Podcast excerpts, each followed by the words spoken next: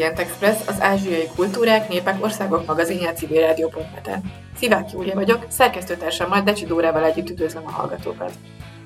A török gyorséttermek jól ismert állomásai a budapesti éjszakai életnek, azonban, mint azt sejthetjük, korán sem mutatnak átfogó képet a török gasztronómia világáról. Mindenek ellenére szerencsére Magyarországon is egyre többet tudhatunk meg az autentikus török konyháról, amiben fontos szerepet játszik mai vendégünk Tóth Ági is. Ági a török gasztronómia szakértője, a Nargurmé márka alapítója, privát séf, akinek célja, hogy a török kultúrát és különösen a török gasztronómiát minél szélesebb körben népszerűsítse Magyarországon. Ági dolgozott a Yunus Emre Központ kulturális vezetőjeként, vezetett gasztroblogot és rendszeres vendégszerzője volt a BBC Food Food magazin magyar kiadásának is. Megtalálható a Facebookon a www.facebook.com per nargurmé.hu oldalon, illetve a www.nargurmé.hu oldalon is. Az Orient Express adásainak elkészültét a Magyar Nemzeti Bank támogatja. Felhívjuk hallgatóink figyelmét, hogy az Orient Express adásai nem csak a civil rádiókaphatán hallgathatók, hanem podcastként az interneten is, az expressorient.blog.hu oldalon, a YouTube csatornánkon, továbbá a Soundcloudon, a Spotify-on, az iTunes-on és a többi podcast alkalmazásban méghozzá bárhol, bármikor, bármilyen kivel.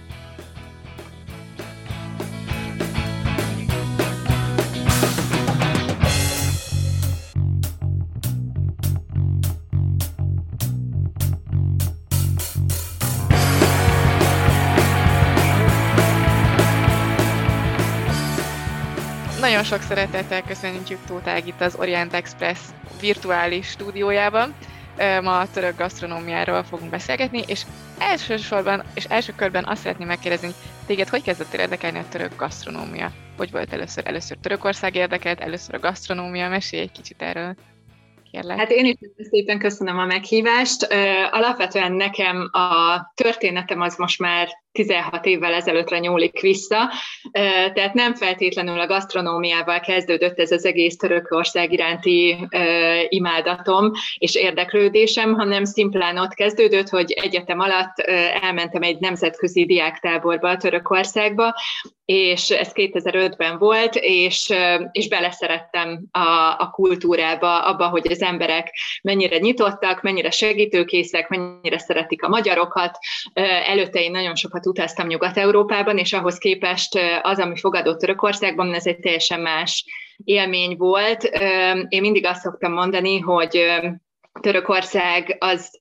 az egy ö, olyan szempontból nagyon érdekes ország nekünk, magyaroknak, hogy megvan már benne az exotikum, ami megkülönbözteti Európától, de ugyanakkor még befogadható számunk, tehát nem áll annyira távol a saját kultúránktól, mint mondjuk a távol-keleti országok, vagy akár a közel-keleti arab országok. Szóval igazából beleszerettem a nyelvbe, az emberekbe, a, a, a történelmi látnivalókba, tehát általánosságban a, a kultúrába, és és, és itt kezdődött az egész, mert azt hiszem, hogy akkor valahol, valamilyen szinten eldőlt a sorsom, mert hogy utána én minden évben visszajártam, elsősorban akkor még csak barátokat látogatni, és közben elkezdtem törökül tanulni itthon magántanárokkal,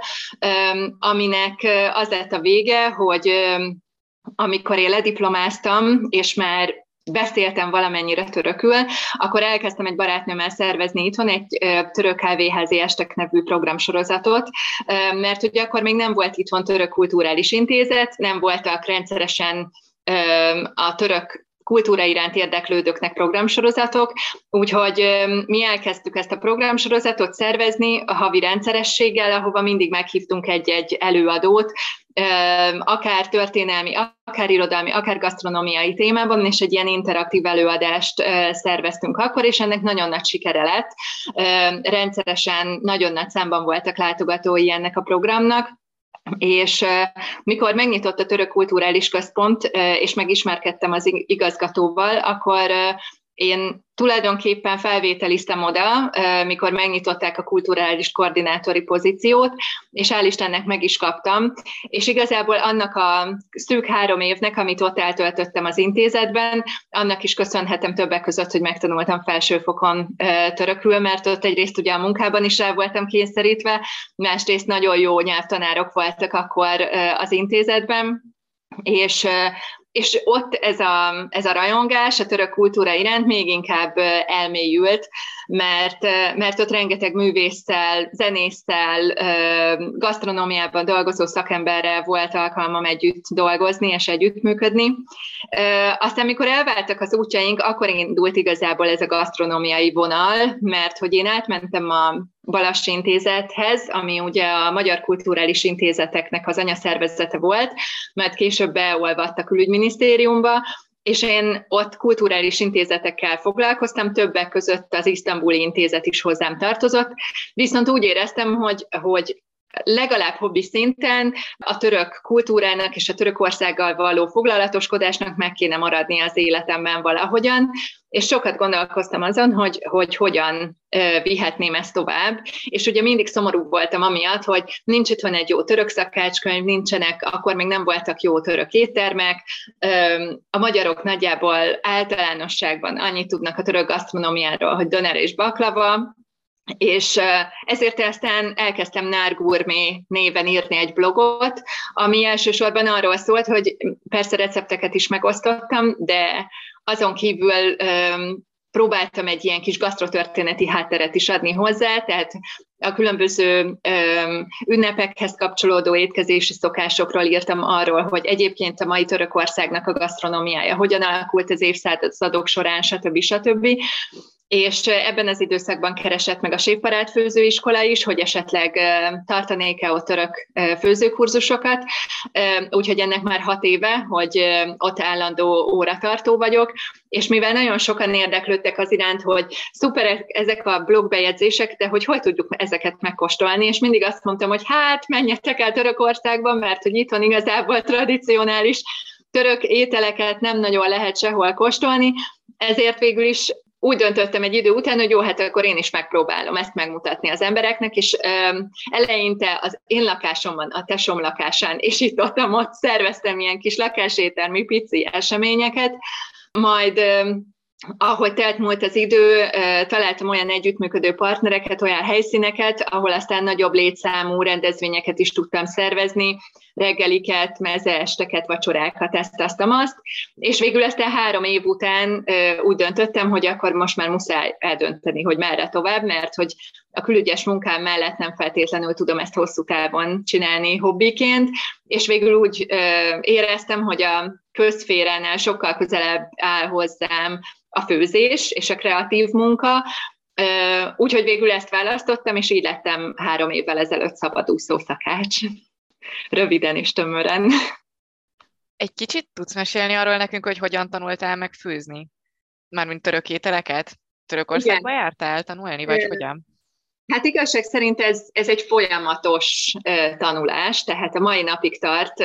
Törökország ugye egy olyan hatalmas ország földrajzilag is, és annyira, annyira sokszínű a konyhája, hogy szerintem életem végéig lesz még bőven tanulnivalóm. Uh, de alapvetően az az érdekes, hogy én soha korábban nem terveztem azt, hogy, hogy szakácskodásból fogok megélni, tehát ez, ez sosem volt a tervem, mivel hogy én nemzetközi tanulmányok szakon végeztem a Corvinuson, és mindig is inkább a diplomáciai vonal érdekelt. Itthon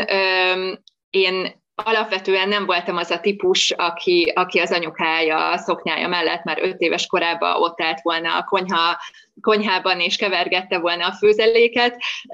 szóval nem volt meg egy ilyen hatalmas érdeklődés, de nyilván miután elköltöztem otthonról, azután a korábbi párommal mi nagyon sokat főztünk otthon, és,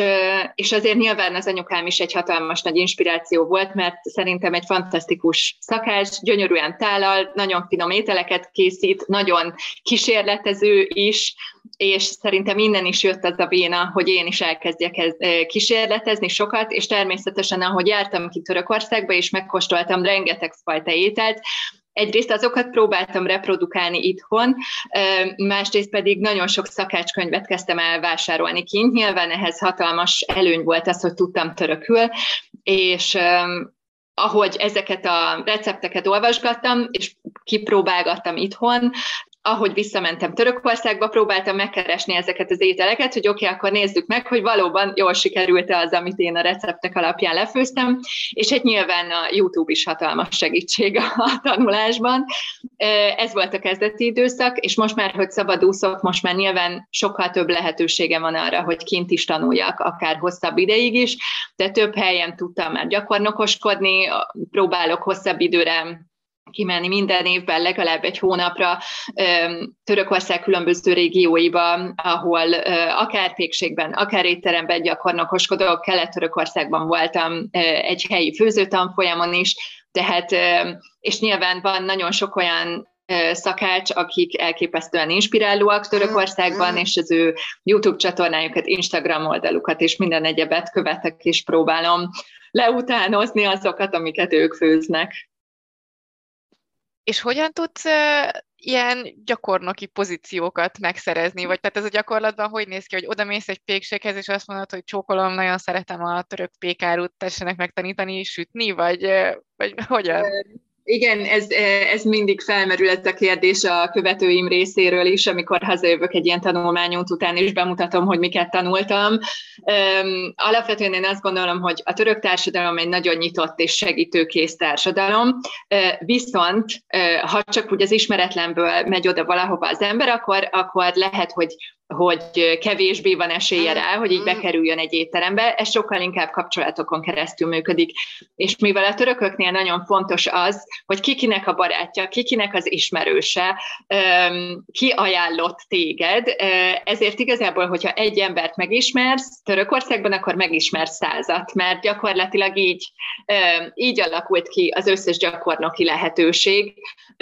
akár mondjuk, ha nem tudom, veszük például Hatályt, ami lent van a szír határon, ott gyakornokoskat hattam bő egy hetet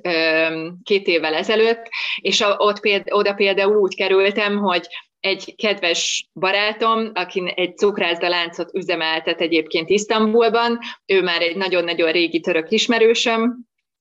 ő mondta nekem, hogy igazából nekem rokonáim Törökország minden szegletében élnek, szóval ha bárhova szeretnél menni, akkor szóljál, és hát úgy alakult, hogy pont Hatályban is volt egy unokatesója, aki nagyjából a félvárost ismeri, mert ő is vállalkozó és gasztronómiában dolgozik, és azt mondták, hogy írd meg, hogy hol szeretnél gyakornokoskodni, és mi elintézzük, és ez így is, így is alakult, és, és tényleg alapvetően a pékségbe is így kerültem el ismerősön keresztül, és onnantól kezdve, hogyha már valaki ajánl téged, most teljesen mindegy, hogy téged ismeri az az ember, ahova mész vagy sem, ha már valaki ajánlott, mert jó barátok vagytok, rokonok, akármik, akkor onnantól kezdve nyitott kapuk várnak, és, és nagyon-nagyon-nagyon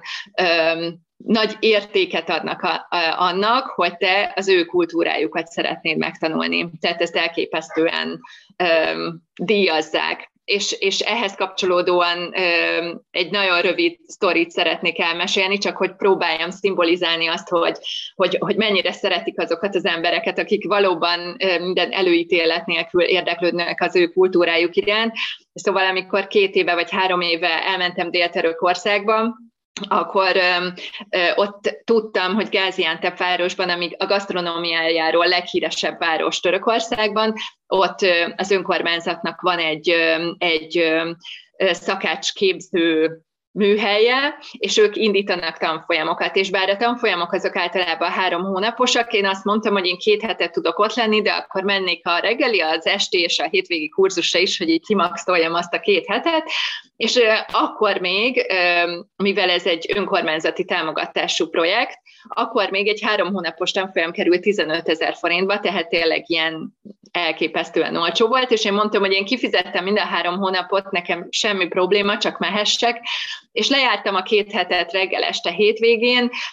elképesztő sokat tanultam tényleg a helyi gasztronómiáról, és többször megkérdeztem, hogy oké, okay, de mondják meg, hogy mennyit fizessek, mondják meg, majd megbeszéljük, majd megbeszéljük, és eljött az utolsó nap, bementem az igazgatóhoz elköszönni, megköszönni mindent, és mondtam, hogy jó, de akkor most már kifizetném a részvételi díjamat, és erre az volt a válaszuk, hogy hát ők beszéltek a fenntartójukkal, az önkormányzattal, és hogy végül is közösen úgy döntöttek, hogy ők nem kérnének tőlem pénzt, mert hogy nekik a megtiszteltetés, hogy én több ezer kilométerről eljöttem megtanulni az ő ételeiket. Szóval ez szerintem mindent leír, és megmagyaráz ez a történet.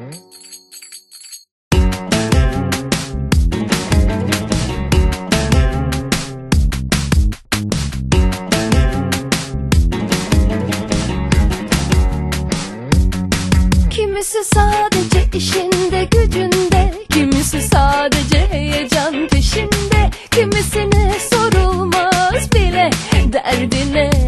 Kiminle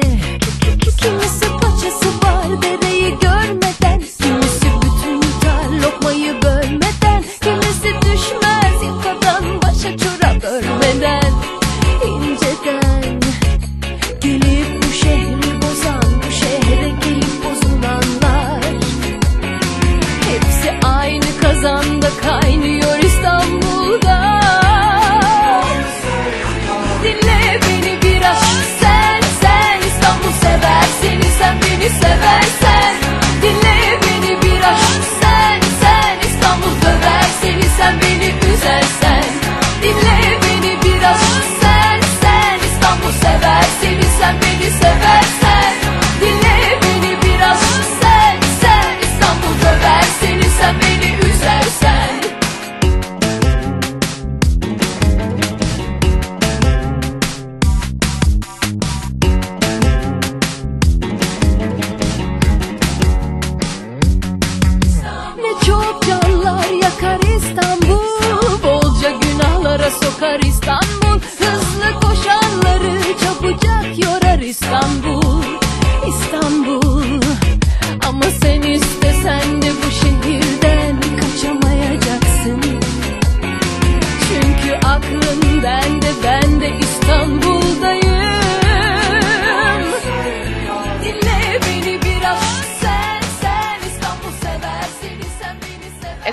Is az Orient Express a civilrádió.net-en. Tóth Ágival beszélgetünk a török gasztronómiáról. Az előző blogban már meséltél egy kicsit arról, hogy téged ez az egész miért kezdett el érdekelni, és hogyan indult el a gasztro blogger karriered, és hogy milyen, ö, ö,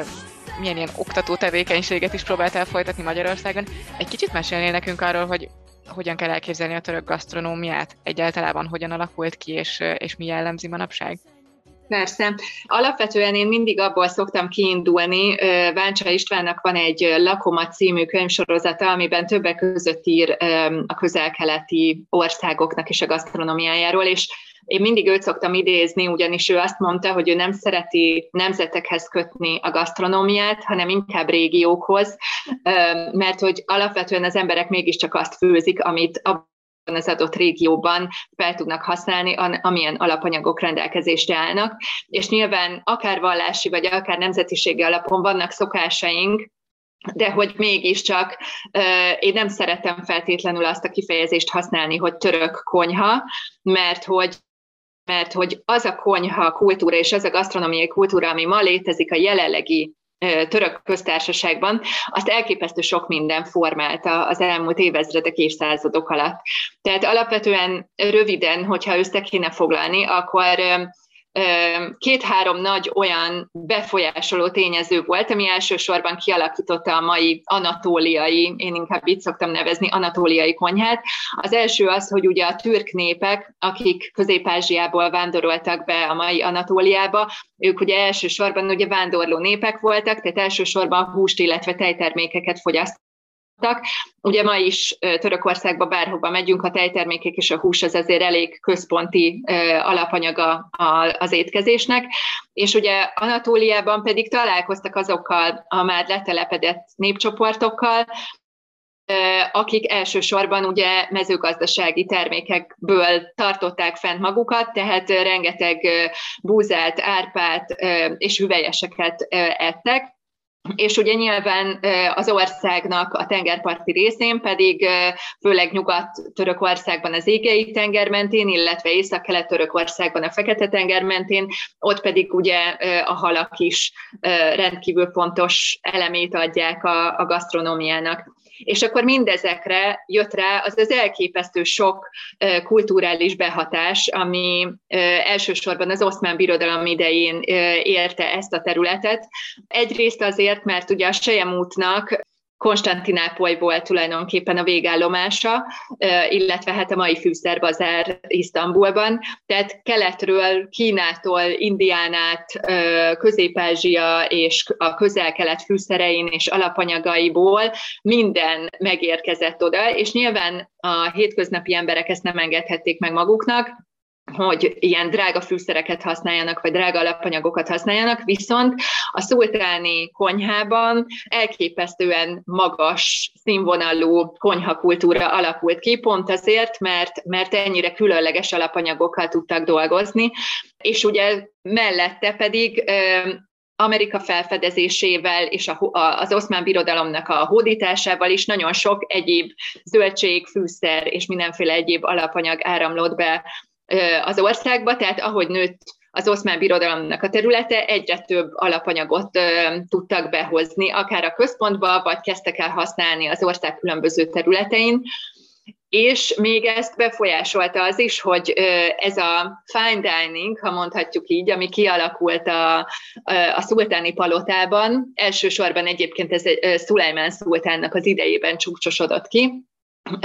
ott az volt az elképzelés, hogy minden egyes ételtípusnak legyen egy-egy mestere a konyhán, és hogyha tegyük fel, mondjuk volt egy ételtípus, akkor nem azt mondták, hogy jó, akkor mi megtanuljuk, hogy ezt hogy kell készíteni, hanem ahonnan ez az ételtípus származott, akár Anatóliából, vagy Egyiptomból, vagy bárhonnan, onnan hozattak egy szakácsot, aki ezt valóban autentikusan tudja elkészíteni. Tehát a, a birodalom minden részéről található volt ott szakács, aki aztán ugye tanította be a saját kis tanítványait. És mindezek mellett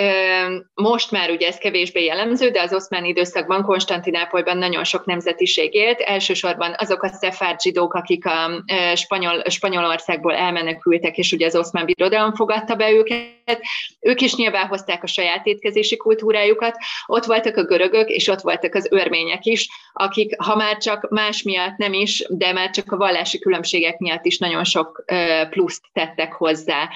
Konstantinápolynak az étkezési kultúrájához. Tehát ezek alakították elsősorban a mai Anatólia konyháját. Én azt szeretném megkérdezni, hogy így, ahogy a történelmi változásokat most így meg az egyes regionális különbségeket elmondtad, ez végül is most mit eredményezett? Tehát, hogyha ma valaki elmegy Isztambulba, akkor ugyanazt azokat az ételeket tudja megkóstolni, mint bárhol az ország másik területén? Mennyire egységesedtek az ízek? Egyáltalán nem egységesek. Isztambul olyan szempontból különleges, hogy természetesen az ország minden részéről vándoroltak már be oda szakácsok és emberek, akik éttermeket szerettek volna nyitni. Tehát igazából akár kelet-törökországi különlegességeket, akár nyugat-törökországi különlegességeket szeretnénk enni, ezeknek a nagy többségét Isztambulban megtalálhatjuk, de ugyanakkor a top séfek azt szokták mondani, hogy ahhoz, hogy valóban egy régiót végigkóstolhassunk, ahhoz el kell menni abba az adott régióba, mert lehet, hogy ugyanaz szerint a recept szerint készítünk el egy ételt Isztambulban, mint ahogy mondjuk Gáziántebben készítik, de hogyha Isztambulban mondjuk nem azt a húst szolgáljuk fel,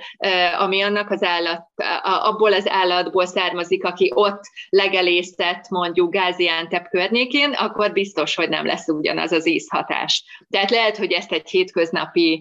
ember nem feltétlenül érzi, ezeket a nüansznyi különlegességek, különbségeket, de hogy mégis van. És mindezek mellett pedig regionális szinten nagyon nagy különbségek vannak, tehát ezért sem szeretem azt mondani, hogy török konyha, mert ha Nyugat-Törökországot nézzük, az égei tengerpartját, ott elsősorban az általunk úgynevezett mediterrán étkezéssel jellemző, tehát nagyon olívaolajjal főznek elsősorban, nagyon sok friss zöldséget, illetve szabadon növő gyógynövényeket esznek, nagyon sok halat, tengeri herkentyűt fogyasztanak, és sokkal kisebb a húsfogyasztás hogyha bemegyünk belső Anatóliába, tehát az ország közepére, ott még mindig elsősorban a gabonából készült ételek, illetve a hüvelyesek vannak előtérben, illetve a péksütemények. Hogyha elmegyünk délkeletre, ott pedig már inkább ez a közel-keleti ízvilága jellemző, tehát nagyon sok húst tesznek, elsősorban borjút és bárányt, és mellette sokkal markánsabb fűszereket használnak, mondjuk nyugaton inkább a zöld friss fűszerek jellemzőek, mint a menta, a petrezselyem, kapor, viszont hogyha keletre elmegyünk, ott inkább római kömény, piros paprika, csípős paprika, sok bors, gránált almabalzsa, metszet, szumák, ami egy ilyen savanykás fűszer, tehát inkább ezek vannak előtérben. Én azt szeretném megkérdezni, hogy amit említettél, hogy a oszmán birodalom idejében mennyire központi szerepet játszott az étkezés, és hogy milyen konyhakultúra volt, ez továbbra is jelen van? Tehát, hogy a török társadalomban fontos az, hogy ki mit eszik, hogy eszik, és mennyire van ilyen központi szerepe az étkezésnek? Igen, abszolút, abszolút központi szerepe van, tehát ugye az oszmán birodalomban azért azt mindenképp ki kell hangsúlyozni, hogy teljesen más volt a konyhakultúra a, a szultáni szerályban, mint ami a hétköznap embereknek az étkezési kultúráját jelentette, tehát nyilván más minőségű ételeket ettek, sokkal kevésbé változatos volt egy hétköznapi embernek a, a, a, a mindennapi menüje, mint mondjuk a szultáni. Tehát török Isztambulban még mai napig van néhány olyan étterem, akik a korabeli receptekből próbálják meg, meg a korabeli visszaemlékezésekből rekonstruálni azokat az ételeket, hogy mit ettek vajon a szultánok én is csináltam már többször ilyen vacsorát, mert néhány ilyen tematikájú szakácskönyv elérhető már, hál' Istennek, de általánosságban én azt gondolom, hogy egyrészt vallási, másrészt kulturális okokból az étkezés egy nagyon központi szerepet játszik az életükben, és ez szerintem a szociális mi voltjuknak is betudható, mert hogy náluk a család a barátok összejárása, az, hogy közösségi élményt teremtünk, az még mindig nagyon fontos. Tehát, hogyha megnézzük, hogy hogyan étkeznek a törökök, ugye nyilván egyre több nő dolgozik, de alapvetően azért még a korábbi generációk, tehát a nagyszülők, szülők generációjában még nagyon sokan vannak, akik a nők nem dolgoztak, hanem gyereket neveltek, és otthon főzték minden nap a friss ételt a családnak, tehát ennek még egy ilyen nagyon erős kulturális hatása megvan. Másrészt pedig, tehát, hogy mindenki nagyon-nagyon büszke a saját szülővárosának, saját régiójának az ételeire, és általánosságban azt mondhatjuk el, hogy a törökök ilyen szempontból egy kicsit zárkózottak, hogy nem, hogy a általánosságban nem, hogy a külföldi ételekkel szemben egy kicsit ilyen, hogy mondjam, fenntartásokkal bírnak, hanem sokszor még a szomszéd régiónak az ételeit sem feltétlenül nem azt kóstolják meg, de biztos, hogy azt mondják, hogy a miénk az jobb. Úgyhogy van egy ilyen nagyon erős, erre sokszor azt szokták mondani a törökök, hogy ilyen gasztronómiai mikronacionalizmus, Szóval, hogy ez abszolút létezik, létezik Törökországban, és tényleg az étkezés ez egy abszolút társasági ö, esemény. Ez már látszik abból is, hogy például nekik a reggelizés kultúrája az egy rettentő fontos része az életüknek. Tehát, hogy nálunk ö, sokszor szembesülünk vele, főleg a nagyvárosokban, hogy az emberek rohanva esznek valami péksütit a metrón, és akkor ennyiben ki, kipipálják tulajdonképpen a reggelizést. A törököknél ez sokkal fontosabb, nyilván hétvégén nekik is több idejük van arra, de hogy nem csoda, hogy Isztambul is több ezer reggeliző helyjel van teli, és barátok vagy családok rendszeresen, ha nem is minden hétvégén, de rendszeresen járnak el reggelizni, és ez nem csak egy bekapok egy croissant egy kávéval, hanem akkor három órán keresztül ott ülnek és megbeszélik a világ nagy dolgait. Azt szeretném megkérdezni, hogy az étkezéssel kapcsolatban a törököknek milyen hagyományok, vagy inkább milyen szabályaik vannak? Tehát, hogy van valami, amit mindenképp be kell tartani, hogyha a Törökországban étkezünk? Hát a tradíció szempontjából például azt én a főzőkurzusokon szoktam általában elmondani, hogy nekik van egy úgynevezett kolonyájuk, ami egy 80%-os alkohol, általában ugye nem ivásra találták ki, ezt általában vagy valamilyen virágkivonattal, vagy citromkivonattal illatosítják, és Hát ez bőven igazából már a COVID előtt is jellemző volt a törökökre, hogy fertőtlenítik és illatosítják a kezüket, mielőtt ételhez nyúlnak. Tehát ez, ez akár még egy távolsági buszon vagy repülőn is jellemző szokott lenni, de, de éttermekben is nagyon sok helyen ezt még alkalmazzák, otthon is, aki így jobban tartja a tradíciókat, azoknak biztos, hogy van egy kolonya, és beleöntögetnek kicsit a tenyerükbe, elmaszatolják, és akkor fertőtlenítettük is magunkat, illatosak is vagyunk, és akkor így kezdhetünk hozzá az étkezéshez. Tehát, hogy szerintem ez egy fontos, fontos tradíció. Azon kívül nyilván a, minél keletebbre megyünk, annál konzervatívabbak és tradicionálisabbak, vallásosabbak az emberek. Biztos, hogy az ilyen, család, ilyen családokban vannak még olyan, olyan szokások, hogy mondjuk a legidősebbek kezdenek el először enni, vagy hogy hogy szolgálják egymást ki, stb. stb. De hogy, de hogy alapvetően azért ez már a társadalom nagy részében nem egy olyan erős tradíció, amit feltétlenül mindenkinek ismerni és követni kell.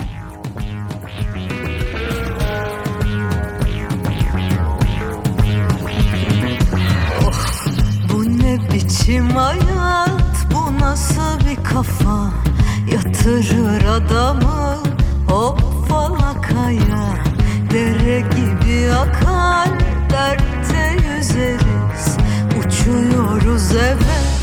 Çünkü güzel istikrarlı hayal Hakikattir. Ölüm var mı yoksa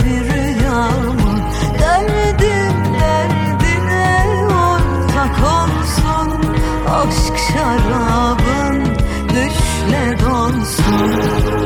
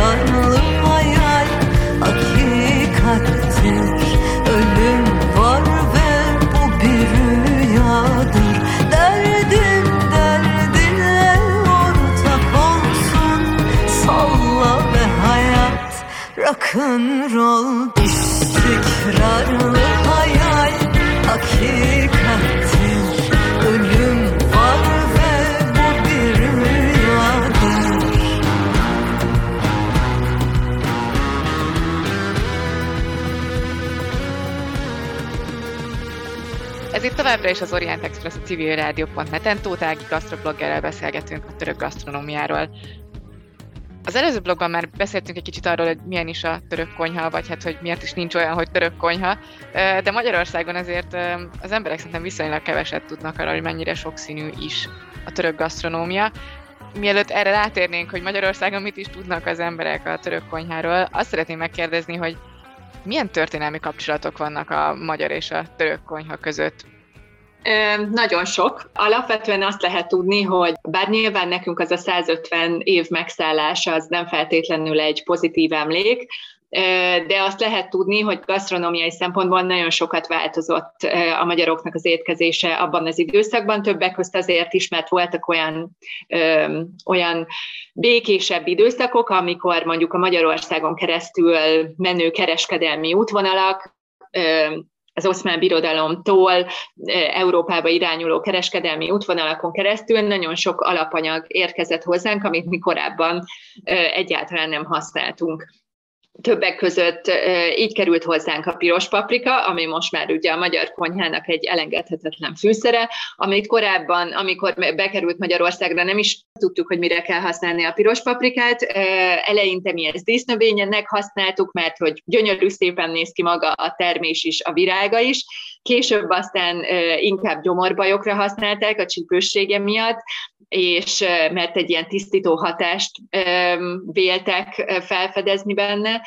és, és aztán később fedezték csak föl, vagy tanulták meg, hogy ez leszárítva, leporítva, ez egy nagyon finom fűszer is tud lenni, főleg az édesnemes formájában, de egyébként ebben az időszakban került be hozzánk a padlizsán, amit ugye sokáig török paradicsomnak hívtunk, abban az időszakban került hozzánk a kukorica is állítólag, a füge, a mandula, a petrezselyem, nagyon sok olyan fűszer, amit a mai napig előszeretettel használunk, és hogyha a legendák igazak, én olvastam olyat is, hogy rist is akkor kezdtünk el használni, mert hogy rájöttek arra az oszmán birodalom vezetői, hogyha itt nem csak Magyarországig akarnak hatolni Európában, hanem tovább is szeretnének menni, akkor ugye nem lesz idejük arra, ha elindul a hadsereg és eljut Magyarország széléig, és mondjuk meg szeretné hódítani Bécset, vagy még tovább menve Rómát, nem lesz idejük arra, hogy térre visszamenjenek Konstantinápolyba, majd újra visszainduljanak, és eljöttek arra, hogy ez a mennyiségű gabona, amit itt találnak, és mondjuk el tudnak venni, az lesz elég a hadseregnek, és állítólag ebben az időszakban, ugye a Balkánon ugye nagyjából 300 évet töltöttek nálunk, vagy 400-at nálunk, 150 évet, tehát állítólag a Balkánon a törökök akkor kezdtek el rist termeszteni, és aztán így került ez be a mi konyhánkba is, de alapvetően sok technikát is tanultunk tőlük, mert a korabeli források arra utalnak, hogy például korábban mi nem csináltunk töltött káposztát, csak rakott káposztát, tehát egymásra rétegeztük a húst és a káposztaleveleket, és ilyen töltött formában zöldségeket a török időszakban kezdtünk el először készíteni. És napjainkban milyenek a magyar-török gasztró kapcsolatok? Ugye, ha az ember a budapesti éjszakát látja, akkor járja, akkor meg annyi kebabost lát, de hogy így ezen kívül mit, mit, mit, mit tudhatunk arról, hogy a, a török gasztronómia mennyire van jelen Magyarországon? Hát alapvetően ugye az első török gyorséttermek, azok a 80-es évek végén, 90-es években nyíltak. A törökökkel való viszonyunk és a török éttermeknek, a, vagy törökös éttermeknek a megjelenése sokkal későbbre tehető, mint mondjuk Németországban vagy Ausztriában, ahol ugye már a 60-as, 70-es években nagy számban költöztek ki törökök alapvetően szerintem az volt itt a, a, a fő újítás, és azért lettek nagyon népszerűek a török gyorséttermek, mert nem nagyon volt más alternatíva arra, hogy az éjszakai életben mit tudunk enni, mint dönert. Ugye voltak giroszosok korábban, de csak elvétve, tehát néhány, néhány volt, ők nagyon népszerűek lettek, és sajnos, én ezt nagyon sajnálom, de hogy sok török vállalkozó úgy gondolta, hogy nem feltétlenül kell a török nevét használni ezeknek az ételeknek, még ha más is a formája, meg mások is az alapanyagok. A giroszt már mindenki ismeri, akkor hívjuk mi is úgy pedig azért alapvetően vannak nagy eltérések benne, tehát hogy ezt letisztázzuk, ugye a girosz, az készülhet csirke, illetve sertéshúsból is. Sertéshúst ugye a törökök eleve nem esznek a vallási előírások miatt. A girosz alapvetően egy ilyen kis zsebes pitába kerül bele, és ott ugye szószt is szoktak beletenni, az eredeti um, eredeti dönerben, abban a döner szendvicsben uh, például szósz az nem volt, ezt inkább uh, itt az itteni törökök um, terjesztették el, vagy tették népszerűvé, és ugye a döner, az tulajdonképpen ez a szó, ez a dönmek török igéből származik, ami for, azt jelenti, hogy forogni, tehát ugye erre a hatalmas nagy hústömbre emlékeztet minket, vagy erre vonatkozik, és maga az a lapos kenyér, amit tortillához szoktak hasonlítani, de igazából ezt lavas kenyérnek hívják törökül, ugye ebbe tekerik bele a húst, a zöldségeket, és hát itthon ugye a szószokat is, és így lesz belőle egy szendvics. Tehát, hogy elsősorban, és ugye, ahogy mondtam, a törökök elsősorban borjú, bárány vagy csirke húst szoktak használni, ugye sertést azt egyáltalán nem. Úgyhogy ez a, ez a nagy különbség igazából a kettő között, és hogy visszatérjünk arra, hogy hogy Magyarországon, meg nagy, nagy részt egyébként Budapesten mit lehet elmondani a török gasztronómiáról. Ugye megnyílt ez a, ez a nagy számban megnyíltak ezek a török gyorséttermek, ahol alapvetően az volt az elképzelés, hogy oké, okay, mutassuk meg a saját gasztronómiánkat, de azért menjünk biztosra, és használjunk magyar fűszereket, hogy a magyar étkezéshez, étkezési kultúrához és ízléshez ez egy kicsit közelebb álljon, illetve azért tegyünk bele egy-két olyan ételt is, ami a magyaroknak már eleve ismerős, mint a rántott hús például, vagy a gulyásleves, ami ugye megtalálható bármelyik, vagy nagyon sok gyors étteremben, és így gyakorlatilag rászoktatták az embereket, mert alapvetően egyébként finom ételeket csinálnak, Nyilván nagyon nagy ö, különbségek vannak a különböző ö, büfék és gyorséttermek között minőségben, ö, tisztaságban, de én azt gondolom, hogy még mindig vannak olyanok, akik abszolút megbízhatóak, és, és én is nyugodt szívvel eszek, ö, eszek náluk. De alapvetően nagyon sokáig nem képviseltette magát az igazán autentikus török gasztronómia itthon, és ez az elmúlt években kezdett megváltozni, hál' Istennek. Most nyáron nyílt a parlament közelében egy fantasztikus étterem, ami egyrészt belső kialakítás szempontjából is egészen luxus körülményeket mutat, tehát elképesztően ízlésesen és gyönyörűen rendezték be. A főszakács, a séf is Törökországból érkezett, és valóban fantasztikus, autentikus rakételeket készítenek, tehát ők egy nagy úttörők, én azt gondolom. Nagyjából egy hete nyílt meg egy újabb étterem, akik szintén állítólag magasabb magasabb színvonalat képviselnek, ők elsősorban egyébként kebabra és hasonló, hasonló ételekre álltak rá. Ott még nem voltam, tehát hogy róluk nem tudok azért annyira behatóan nyilatkozni, illetve még van egy, van egy olyan kis étterem, amit egy, török, egy magyar divattervező és egy török lány közösen alkottak meg, és ott elsősorban mezék, tehát ilyen kis előételek, saláták, kencék, török reggeli koktélok, szendvicsek találhatóak meg, tehát az is a török gasztronómiának egy különleges kis részét mutatja be. Így, hogy te is főzöl, nyilván van rálátásod arra, hogy így a magyarok mennyire nyitottak a török világra. Tudsz erről egy kicsit mesélni? Én alapvetően azért sem értem, hogy miért volt feltétlenül szükség arra, vagy miért van szükség arra, hogy a, a török ételeket magyarosítsák ezekben a gyors éttermekben, mert nincsen annyira hatalmas különbség a két ország, vagy a két nép gasztronómiája között, hogy ez ilyen befogadhatatlanul idegen ízeket jelentsen. Tehát azt gondolom, hogy minden csak az oktatáson és, és a bátorságon múlik, mert hogyha azt nézzük néhány évvel ezelőtt, kievett főlevest itthon, vagy kievett rámenlevest, azt se tudtuk, hogy mi az. Manapság meg a fiatalok minden más, na jó, nem minden második nap, de hogy rendszeresen járnak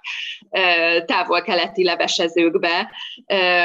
úgyhogy vagy mexikói étterembe, vagy olasz étterembe, vagy bármilyenbe. Tehát én úgy gondolom, hogy ezért Budapesten most már egyre inkább, meg a nagyvárosokban egyre inkább szívesen kísérletezünk új ízekkel, nem beszélve arról, hogy nagyon sok olyan étterem nyílt, itt Budapesten, amik nem feltétlenül török, de mondjuk közelkeleti ételeket, libanonit, perzsát szolgálnak föl, és elképesztően népszerűek, és alig lehet hozzájuk asztalt foglalni. Tehát én azt gondolom, hogy abszolút nyitottak a magyarok ezekre az ízekre, és ezt mondjuk egy olyan aprócska kis tapasztalattal is alá tudom támasztani, hogy, hogy nem régiben, néhány hónappal ezelőtt jött hozzám egy család a lakáséttermembe, és a lány, aki szervezte az egész, egészet, ő mondta, hogy hát próbáljak olyan menüt összeválogatni, amiben nincsenek nagyon-nagyon extra ízek, mert hogy az apukája nem eszik más, csak nagyon tradicionális magyar ételeket, és hogy hát nem szeretné, hogy helyéhen maradna. Hát mondom, jó, megpróbálom. Tehát nyilván próbáltam az ilyen nagyon extra ízeket ö, kerülni, ö, és és megfőztem a menüt, eljöttek hozzám, nagyon-nagyon jól érezték magukat, én így félve néztem az apukáját, ő is egy kicsit ilyen, hogy mondjam, fenntartásokkal érkezett meg, hogy úristen, én biztos fogok itt valamit enni, vagy hogy éhesen fogok hazamenni, vagy hazafelé együnk egy pörköltet valahol. Szóval, hogy ő is fenntartásokkal érkezett, de hogy mindent végigkóstolt, és minden nagyon ízlett neki, és a végén nagyon hálás volt, hogy igazából úgymond mindenki rákényszerítette, hogy, hogy megkóstolja ezeket az ízeket. Szóval alapvetően most már azért tényleg hat éve főzök embereknek, és, és nem nagyon, tehát hogy nagyon-nagyon ritkán találkozok olyannal, amikor azt mondja valaki, hogy fú, hát ez, ez nem azt mondom, hogy rossz, de hogy egy kicsit kicsit messze áll az ízlésemtől. Tehát például mondjuk a töltött szőlőlevél, az néha egy kicsit megosztó tud lenni, hogy valaki azt mondja, hogy szerinte ez elképesztő finom, valaki meg azt, hogy hát nem rossz, de hogy nem biztos, hogy ennék még egyszer az életemben. Tehát maximum ilyenek voltak, de olyan soha nem fordult elő, hogy valaki azt mondta volna, hogy úristen, ez borzasztó, és ebből nem ennék soha többé.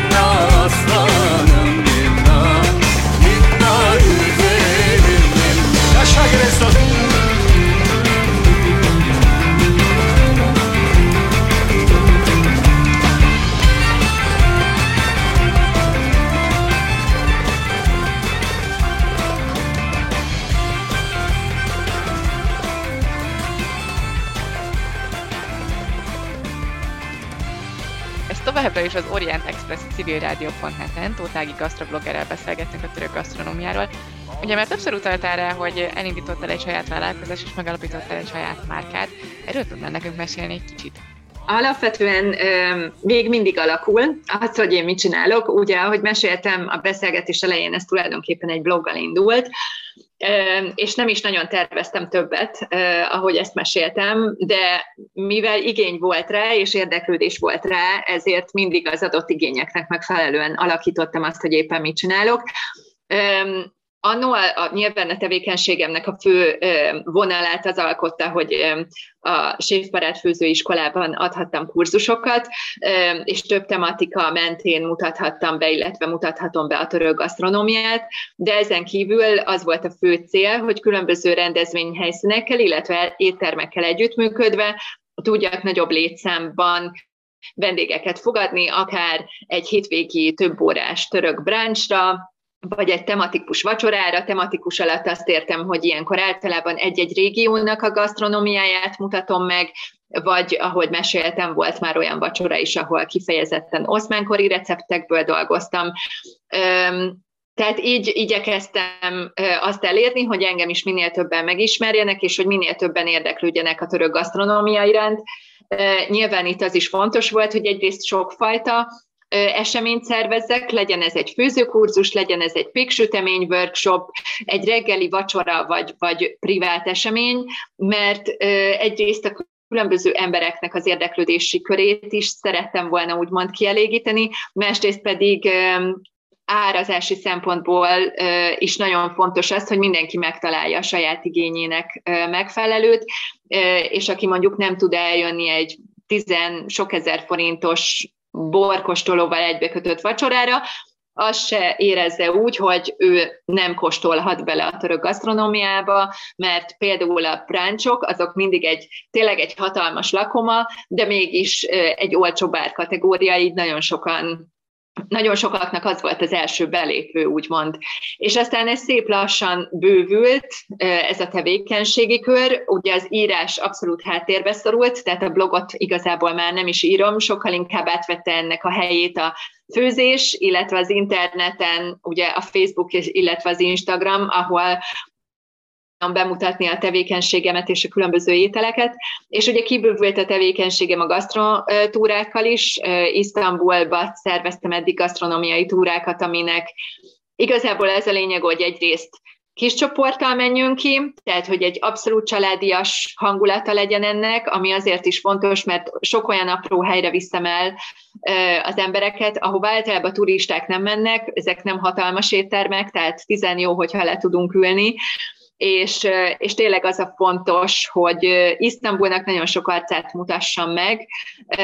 és kóstoljunk street foodot is, de fine diningot is, és, és édességeket is, és, és minden egyebet, ami csak belefér egy ilyen négy napos őrületbe,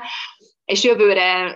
ezt tovább szeretném bővíteni, mert nagyon sokan jelezték, hogy szeretnének eljönni velem Kelet-Törökországba is, ahova magától nem biztos, hogy neki indulna az ember, viszont, viszont így, hogy én ismerem már ezt a régiót, így nagyon szívesen jönnének velem illetve Dél-Törökországban a tengerparton szeretnénk majd egy joga oktató barátnőmmel szervezni egy joga és életmód és főzés és gasztró tábort, úgyhogy most nagyon sok minden van, amit jövőre tervezünk, és igazából ugye azt mindenképp meg kell említenem, hogy nyilván a COVID az elképesztően nagy hatással volt rám is, illetve az én tevékenységemre is. Mindenki, aki a gasztronómiában dolgozik, megszenvedte ezt az elmúlt két évet. Nekem azt gondolom, hogy abban volt hatalmas szerencsém, hogy nincs egy állandó személyzetem, nincs egy állandó helyszínem, amit fenn kell tartani, és abszolút rugalmasan tudtam alkalmazkodni a, a a, a, a kör, körülményekhez, és ahhoz, hogy az embereknek mire van szüksége és igénye. Az erre, a legelején a karanténban online kurzusokat tartottam, abszolút amatőr módon itthonról a konyhámból, de azok voltak a legjobb hangulatúak, és ezen kívül pedig nagyon népszerűek lettek az elmúlt időszakban a lakáséttermi események, mert ugye a lakáséttermemben 8 főt tudok leültetni, tehát ez pont egy, egy nagyobb család, vagy egy, vagy egy szűkebb baráti társaság, és az emberek én úgy látom, hogy múlt évben is ez volt a jellemző most is, hogy in, sokkal inkább jönnek el hozzám, sok, sokan preferálják ezt mondjuk egy zsúfolt étteremmel szemben, mert itt egymás között vannak, de mégis megkapják az éttermi élményt, sőt, annál sokkal többet is, hiszen ezeknek az eseményeknek pont ez a lényege, hogy itt egy nagyon személyre szabott kiszolgálást kapnak. Egyrészt ugye nagyon sokan küzdenek már különböző ételintoleranciákkal, vagy vegák, vagy vegánok, stb. stb. És itt minden egyes alkalommal teljesen személyre szabom a menüt az adott társaságra, másrészt pedig rengeteget mesélek, mint ahogy most nektek is, tehát mesélek az ételek eredetéről, a fűszerekről, a receptekről, hogy melyiket hol tanultam, a saját gasztronómiai és egyéb kulturális élményeimről Törökországban, tehát itt egy sokkal összetettebb élményt kapnak az emberek, mint hogyha csak az étteremben kapnak egy tál ételt, ami lehet, hogy finom, de hogy háttérsztorit nem kapnak hozzá. Úgyhogy most elsősorban a lakáséttermi vonal, ami hál' Istennek megy, illetve privát sévként nem csak a lakáséttermekben tartok ilyen eseményeket, hanem sokszor megyek házhoz is főzni, ahol akár együtt főzünk a vendégekkel, vagy akár, akár én viszem oda, és akkor ott a saját környezetükben tudják megkóstolni ezeket a finomságokat. Sajnos a műsoridőnk az lassan a végéhez közelít, de tudom, hogy a Dóra akart még kérdezni egy dolgot, ami szerintem most így nagyon jó lesz az adásnak a végére. Igen, nagyon foglalkoztat az, hogy mivel te ennyi mindent megkóstoltál már, van személyes kedvenced? Amit akárhányszor mész el Törökországba, azt muszáj megkóstolnod.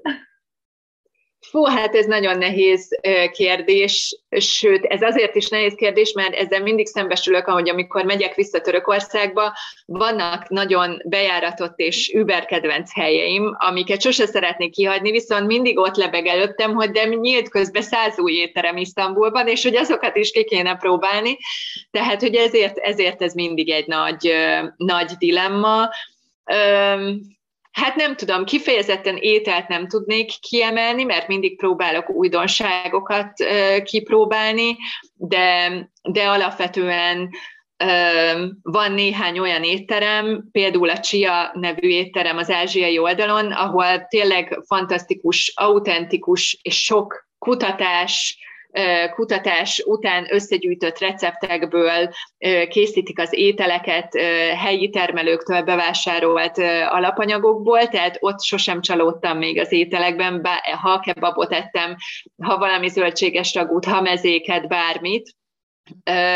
és ezen kívül nyilván kint, én itthon nem szoktam török kávét inni, de kint mindig azt iszok, mert, mert itthon sokszor türelmetlen vagyok, hogy, hogy, hogy elkészítsem, de, de kint meg ennek megvan ez a külön hangulata, és, és alapvetően én, én nagyon sok street foodot szeretek kint kipróbálni, mert ennek kevésbé van itthon kultúrája. Kint viszont rengeteg olyan étel van, akár a különböző péksütemények, börekek, kis török pizzák a piacon, a mindenféle kóstolók a sajtokból, a vörös lencse gombóctól kezdve a kagylón keresztül, minden, amit ott a kezedbe nyomnak az árusok. Tehát ezek, ezek mindig ilyen visszatérő élmények. Úgyhogy talán így tudnám összefoglalni. Nagyon köszönjük Tóth Áginak, hogy elfogadta meghívásunkat, köszönjük a hallgatóknak a figyelmet és a Magyar Nemzeti Banknak a támogatást. Önök az Orient Express-t, a civilrádió.net ázsiai magazinját hallották, a műsort Szivák Júlia és Decsi Dóra vezették. Felhívjuk figyelmüket, hogy az Orient Express adásai nem csak a civilrádió.net-en hallgathatók, hanem podcastként az interneten is. A címünk expressorientenblog.hu, de ott vagyunk a YouTube-on, a Soundcloud-on, az iTunes-on, a Spotify-on és a többi podcast alkalmazásban is. Facebookon pedig a Pázmány Péter Katolikus Egyetem Modern Kelet-Ázsia Kutatócsoportjának oldalán lehet megtalálni az adásokat és készítőiket. A viszont hallásra tartsanak velünk jövő héten is.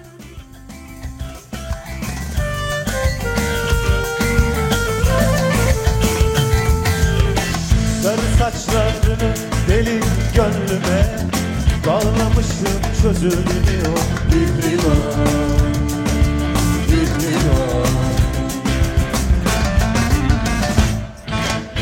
Ayrılıktan zor bellemek gönlümü ölümü Görmeyince sezilmiyor itibar